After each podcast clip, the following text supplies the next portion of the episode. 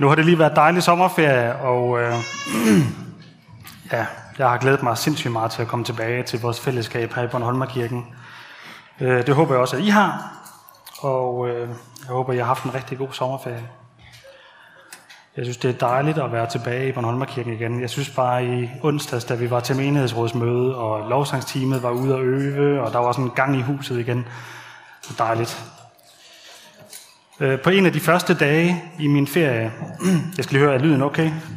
Så det er kun heroppe, det lyder mærkeligt. Fint. Øh, på en af de første dage i min ferie, så sad jeg sammen med min øh, gode ven Jakob Kronborg nede på havnen i Snobæk og nød en dejlig kold fadøl. Vores koner de ville gå en lidt længere tur, end vi havde lyst til. Øhm, så vi satte os sammen en, en times tid der, og mens at Tanja og Maja de gik videre.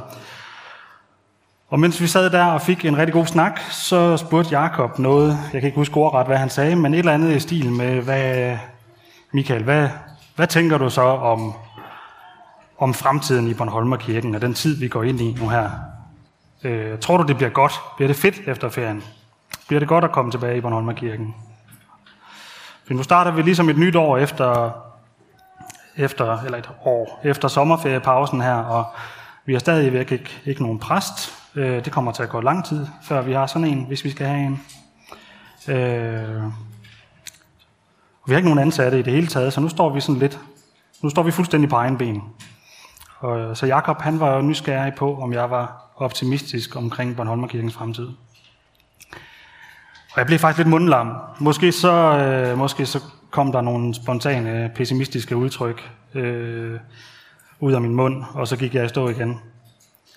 For mit eget vedkommende, så er jeg en del af vores menighedsråd, og, øh, og sammen med resten af menighedsrådet, så har vi den her ledende rolle i kirken. Øh, så jeg, jeg skulle jo gerne være sådan en, der stå, fremstår øh, visionær og positiv, og altid har ja-hatten på og tro på tingene. Men for at være helt ærlig over for jer, så synes jeg faktisk godt, det kan være lidt svært nogle gange. Jeg synes, at Bornholmerkirken har været øh, igennem en hård tid, vi har haft øh, interne konflikter. Vi har efter bedste evne forsøgt at løse dem uden held. Der er øh, folk, som er stoppet i vores menighed. Og præsten er stoppet i vores menighed. Vores øh, tidligere formand og medstifter og en stor drivkraft i kirken, han er pludselig død. Og der er medlemmer i vores menighed, som kæmper med og fortsat kæmper med langvarig sygdom og stress og depression. Og nu står vi så her og skal se fremad sammen. Men overskuddet i Bornholmerkirken til at påtage sig større eller mindre arbejdsopgaver, det er således at, at triste, men, men, men gode, udmærkede grunde, ikke særlig stort. Overskuddet hos os er ikke særlig stort rundt omkring.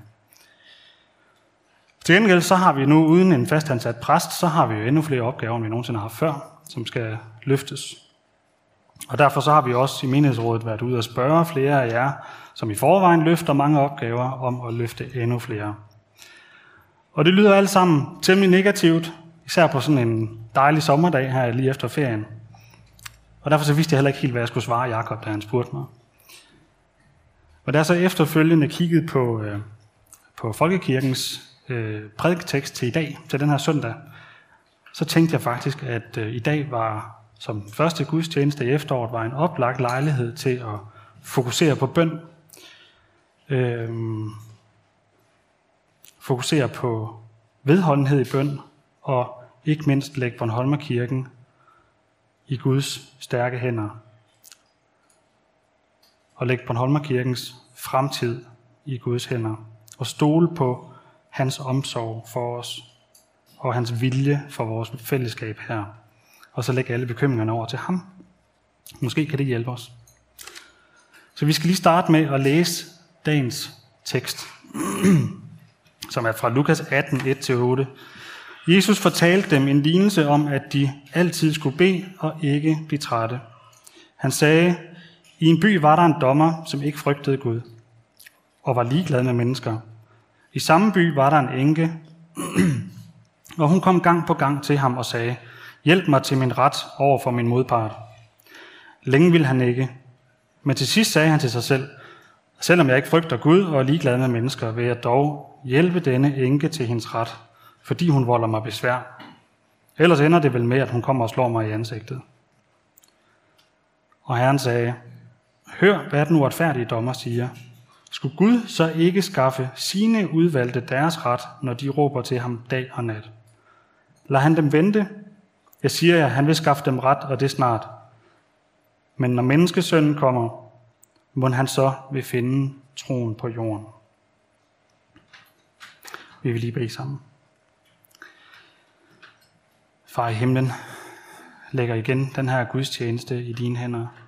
Beder dig om, at du vil øh, lære os om bøn i dag, og jeg beder dig om, at du vil lære os at være vedholdende, og jeg beder dig om, at du vil åbne dit ord for os. Åbn vores hjerter, her. Amen. Jeg har faktisk brug for, at vi lige starter med at zoome lidt ud fra den her tekst i dag, øh, og kigger lidt overfladisk eller overordnet på de tekster, der ligger lige før og lige efter. Øh, Øh, den er ligesom pakket lidt ind, kan man sige. Vi skal huske på, at, at selvom, øh, selvom Bibelen er inddelt i kapitler, så er det jo ikke sådan, så at Jesus han har stået og sagt, hey, nu starter, nu starter kapitel 18, når det var, at han skiftede emne. Så kapitlerne, det er sådan en inddeling, der er lavet efterfølgende øh, på et senere tidspunkt, og derfor så kan det være en god idé lige at prøve at læse foran og bagved, og skille lidt til, hvad der står. Øh, der kan godt være en vigtig sammenhæng. Og det synes jeg, at, øh, at der er her.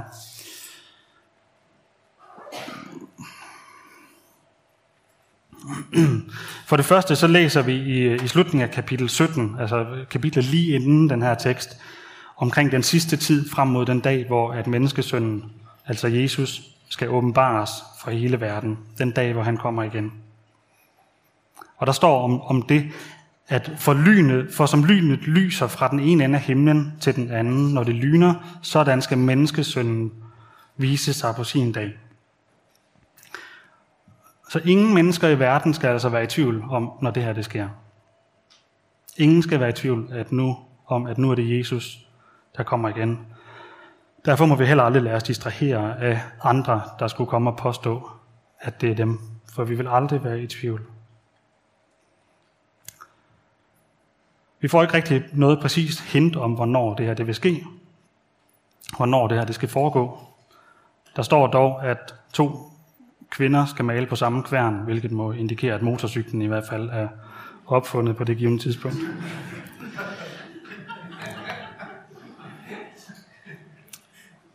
Men så fortæller Jesus om, hvor alvorlig tiden den skal være frem mod hans komme. Han fortæller om verdens fordærv, at det skal være som i Noahs dage. Folk opførte sig fuldstændig som det passede dem. De giftede sig til højre og venstre, spiste og drak. Og han henviser til Lots dage. De spiste og drak, købte og solgte, plantede og byggede. Det var det, der var deres fokus i stedet for Gud. Men den dag Lot forlod Sodoma, regnede ild og svovl ned fra himlen og udslettede dem alle. På samme måde står der, skal det være den dag, når Jesus kommer igen og åbenbares. Så frafaldet skal blive enormt i tiden frem mod Jesu komme. Verden skal vende Gud ryggen fuldstændigt. Som i Lots dage, siger Jesus, vil fokus være på handel, drift, byggeri, mad, personlig succes, nydelse. Alt sammen super spændende, lige indtil menneskesønnen skal åbenbares. Og referencen til Noahs dage, som Jesus henviser til, den skal selvfølgelig understrege, os, understrege over for os, at det skal komme som en overraskelse. Det vil komme bag på verden, når det sker. En uovervindelig, ubehagelig overraskelse præcis som syndfloden. Derfor tror jeg, at Jesus han spørger i dagens tekst. Men når menneskesønnen kommer, må han så vil finde troen på jorden. Det sidste vers i dagens tekst. Og derfor har man lyst til at indskyde, fortalte han den her lignelse om, at de altid skulle bede og aldrig blive trætte. Så når jeg læser den her tekst, så får jeg en helt klar opfattelse af, at Jesus han bekymrer sig for vores frelse. Han ved, at det vil blive svært. Han ved, at vi kan have svært ved at bede. Han ved, hvor let vi kan blive ledt væk fra ham, blive fristet og ledt på afveje i en verden, som har vendt ham ryggen, og som har et helt andet fokus end ham. Og derfor så fortæller han så i kapitel 18 de her to lignelser om bøn. Den ene lignelse, som er dagens tekst, som understreger, at Gud lytter, når vi beder, og han hører vores bøn. Det skal jeg nok uddybe om lidt. Og den anden lignelse, der så kommer bagefter, om farisæeren og tolleren, den giver så et eksempel på, hvordan vi skal, og hvordan vi ikke skal bede til Gud. Og det skal jeg også nok komme lidt ind på til sidst. Så man kan sige, at dagens lignelse egentlig falder ind i en eller anden struktur. Verden har vendt Gud ryggen. Frafaldet er enormt. Jesus siger endda øh, et andet sted, at hvis de dage ikke blev afkortet, så ville intet menneske blive frelst. Så stor er truslen mod os. Derfor spørger han, må troen er at finde på jorden, når han kommer tilbage? Derfor så fortæller han den her lignelse om vedholdenhed i bøn, og så lidt om, hvordan skal vi så bede. Og så kommer vi til lignelsen. Der var den her by, hvor der var en dommer, som ikke frygtede Gud og var ligeglad med mennesker. Det er ikke noget urealistisk billede øh, fra Jesus side. Vi kan starte med at læse, hvis I har læst dommerbogen i øh, Gamle Testamente. Det var heller ikke alle dommere, selvom de var valgt af Gud, så var det ikke alle sammen, der var lige fine i kanten. Og på det her tidspunkt, på Jesu tid, der havde de ikke den samme regeringsmagt, men de var indsat til ligesom at øve retfærdighed. Det var bare ikke dem alle sammen, der var lige retfærdige. Øh, korruption var i virkeligheden ret udbredt, øh, også blandt dommere. Og det, der kan være lidt morsomt ved den her dommer, det er, at øh, så ham som Jesus beskriver her, det er, at han erkender åbent og ærligt, selv om jeg ikke frygter Gud og er ligeglad med mennesker. Så han siger et eller andet sted selv, selvom jeg egentlig godt ved, at jeg er en idiot over for alle andre, så er jeg egentlig okay med det. Nu er det en konstrueret historie, så det vil jeg ikke gå dybere ned i, hvorfor han siger lige det. Men så har vi enken i den her by. I den samme by og vi kan ikke sammenligne den her enke øh, med en enke i, i dag, som måske har hævet øh, mandens livsforsikring, passer sit arbejde og er juridisk og retsligt fuldstændig ligestillet med alle andre mennesker i samfundet. Sådan var det ikke dengang. Nej, hende her, hun er enke på Jesu tid. Der står ikke noget om hendes økonomiske status, det er jo også ligegyldigt. Men hvis hun ville gøre sin ret gældende over for nogen eller noget i datidens retssystem, så krævede det, at hun havde en mand. Krævede, at hun havde en mand, som kunne stå op for hende og kræve hendes ret. Som kvinde havde hun ingen rettigheder overhovedet. Hun kunne ikke kræve, at nogen ville lytte til, til hende. Hun kunne ikke kræve, at dommeren ville lytte til hende. Det eneste, hun havde, og hun kunne bruge i praksis, det var hendes vedholdenhed. Så hvad sker der? Hun bliver ved med at komme til den her dommer, og ved og ved og ved. Måske har hun i virkeligheden kommet til dommerens sekretær i første omgang, som er blevet møghamrende træt af at have indrendende rendende hver dag. Og måske er sekretæren kommet ind til dommeren og sagt, nu gør du simpelthen et eller andet ved hende her. Hun står ved skranken hver dag og vil have en ny aftale med dig, og jeg kan ikke finde på flere undskyldninger. Næste gang, så sender jeg hende ind til dig. Så dommeren han bliver træt af enken og hele den her situation. Så han erkender, at han må hellere hjælpe hende. Simpelthen fordi hun volder ham besvær. Måske ender det med, at hun kommer og slår mig i ansigtet, tænker han. Så hvordan skal vi forstå det? Jeg vil i hvert fald starte med at sige klart og tydeligt, hvordan vi ikke skal forstå det. Vi skal ikke forstå den her lignelse som et billede på Gud som den, retfærdige, som den uretfærdige dommer. Vi skal ikke forstå Gud som den uretfærdige dommer, der bliver træt af at høre på de kristne, der beder til ham igen og igen, og til sidst lige så godt bare kan give dem, hvad de forlanger. På ingen måde.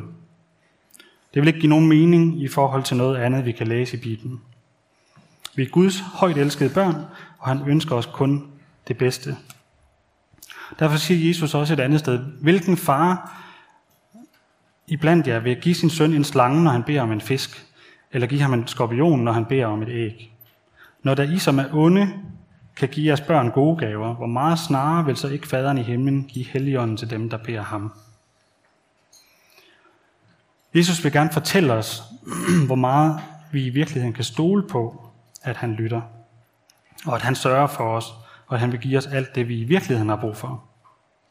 Men opfordringen til os i dag, det er, at vi skal være vedholdende. Der er også et andet sted her, hvor Jesus han fortæller, hvis en af jer har en ven, og midt om natten går hen til ham og siger, kære ven, lån mig tre brød, for en ven af mig er kommet rejsende, og jeg har ikke noget at tilbyde ham. Og han så svarer der indenfra, spar mig for det besvær, døren er allerede låst, og mine børn og jeg selv er gået i seng. Jeg kan ikke stoppe og give dig noget.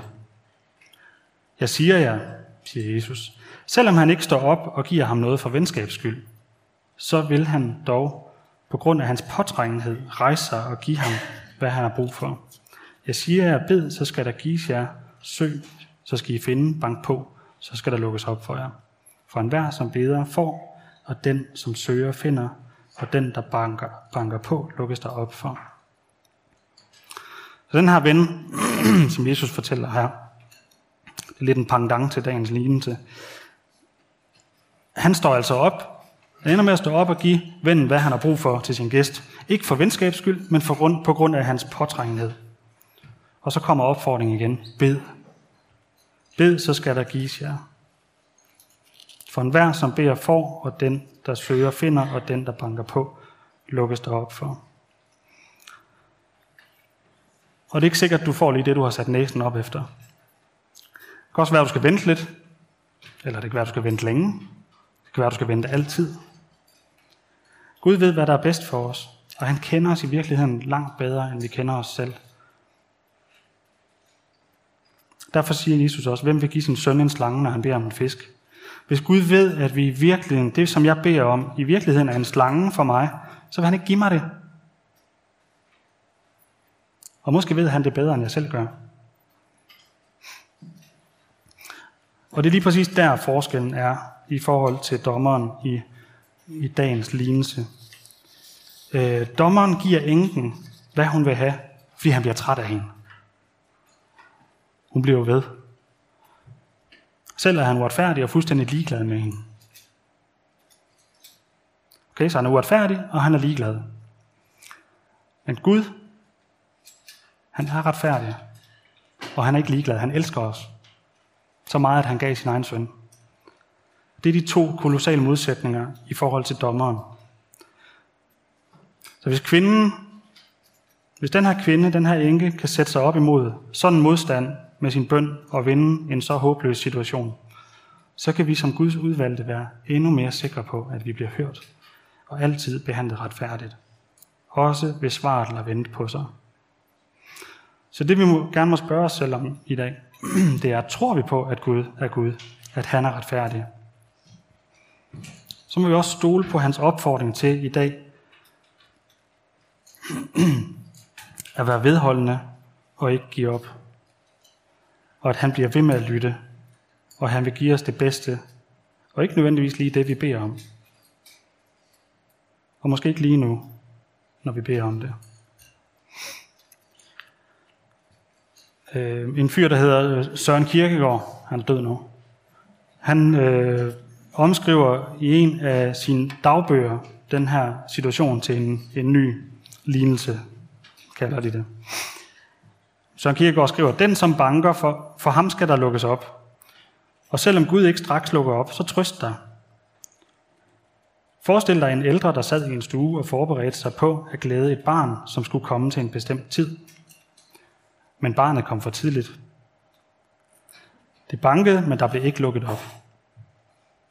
Og da barnet følte, der var nogen inde i stuen, for der var jo lys, og mærkede, at der ikke blev lukket op, selvom det bankede, så blev det dybt nedslået.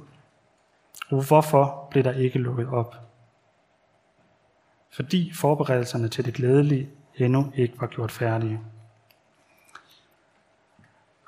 Og med det vil Søren Kierkegaard sige, at når bønhørelsen ikke finder sted, eller ikke sker lige netop på den måde, vi ønsker det, så er det ikke nødvendigvis fordi, at bønden ikke er blevet hørt. Det kan ifølge den her kirkegårds fortælling være fordi, at vi måske ikke er parate til at modtage det, som Gud søger at forberede os på. Den pointe har også betydning, når vi beder fader vor, og vi beder komme med dit rige, ske din vilje som i himlen, således også på jorden. For hvor ofte længes vi ikke efter at opleve Guds gode vilje ske? Spørgsmålet er bare, om det i virkeligheden måske nogle gange er min egen forståelse af det gode liv, min egen vilje, at jeg længes efter. Så i kirkegårds omskrivning, der bliver barnet dybt nedslået over den manglende reaktion, når der bliver banket på. Og det er jo der, det begynder at blive svært, også for os. Når vi ikke oplever, at der kommer svar. Derfor så får vi opfordring i dag til vedholdenhed. For det er, når det bliver svært, og ventetiden bliver lang, at vi bliver trætte og giver op. Når bøndesvaret udbliver, når sygdommen fortsætter på trods af, at vi beder og beder. Når økonomien bliver ved med at drille, eller jobbet bliver ved med at vente på sig. Når krigen bliver ved, eller når konflikten fortsætter, eller det barn, som vi ønsker os så inderligt, bliver ved med at lade vente på sig. På trods af bøn. På trods af vedholdende bøn. Og der sidder helt sikkert mange her i kirken i dag, som gerne vil have svar på, hvorfor det, I har bedt om, så inderligt og så længe, ikke er blevet besvaret. Og det kan jeg heller ikke svare på i dag.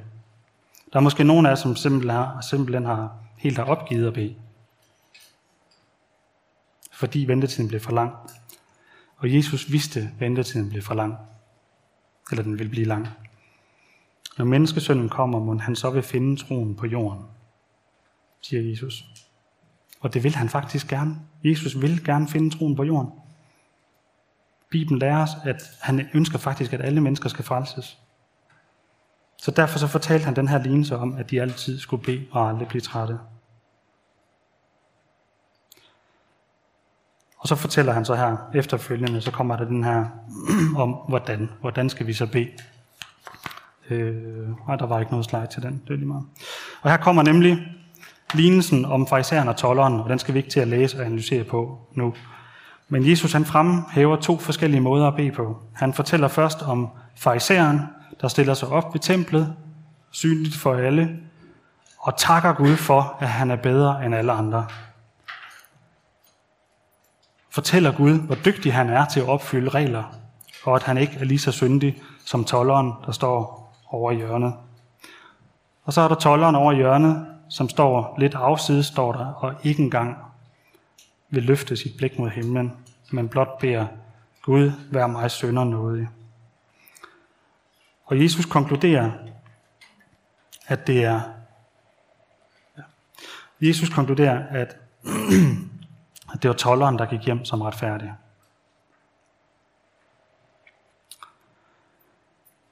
Jesus vil ikke have, at vi skal stille os op og ophøje os selv, når vi beder. Han ønsker, at vi beder. Når vi beder, så skal vi være ydmyge. Og vi får også i dag, har jeg taget med her, nogle andre anvisninger til, hvordan vi skal bede. Der står blandt andet om Jesus selv, at han trak sig tilbage til øde steder og bad. Eller ganske tidligt, mens det endnu var helt mørkt, stod Jesus op, og han gik bort og ud til et øde sted og bad der. Jesus gik ofte ud for at være alene, når han bad. Og vi læser også, at han brugte tid på bøn, hvis han skulle træffe en stor beslutning. I Lukas 6 læser vi, i de dage gik han en gang op på bjerget for at bede, og han tilbragte natten i bøn til Gud. Da det blev dag, kaldte han sine disciple til sig, og blandt dem udvalgte han 12, som også kaldtes apostle, eller som han også kaldte apostle. Og det må vi også gøre. Vi må også gerne bruge tid på bøn, når vi skal træffe beslutninger. Vi må gerne efterligne Jesus. Og vi læser Paulus, der skriver til menigheden i Thessaloniki, at de skal bede uophørligt. Og det kunne jeg godt tænke mig at høre jer ad. Jer, der sidder her. Hvad, hvad, hvad mener han med det? Altså, hvad er det, og hvad vil det sige at bede uophørligt?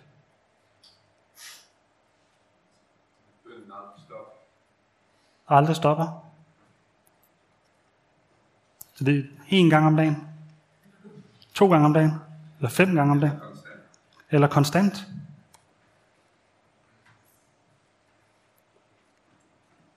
Det er egentlig meget interessant at tænke lidt over. Altså, kan man bede, når man laver mad? Eller kan jeg snakke med Gud, når jeg går på arbejde? Eller når jeg rydder op, sidder i bilen eller på cyklen? Er der overhovedet noget tidspunkt på dagen, hvor jeg ikke kan have Jesus med i mine tanker og gå og tale med ham? Jeg ved det ikke. Jeg tror det faktisk ikke. Jesus lærer os ikke kun, at vi skal bede alene, og at vi skal gå afsides for at bede.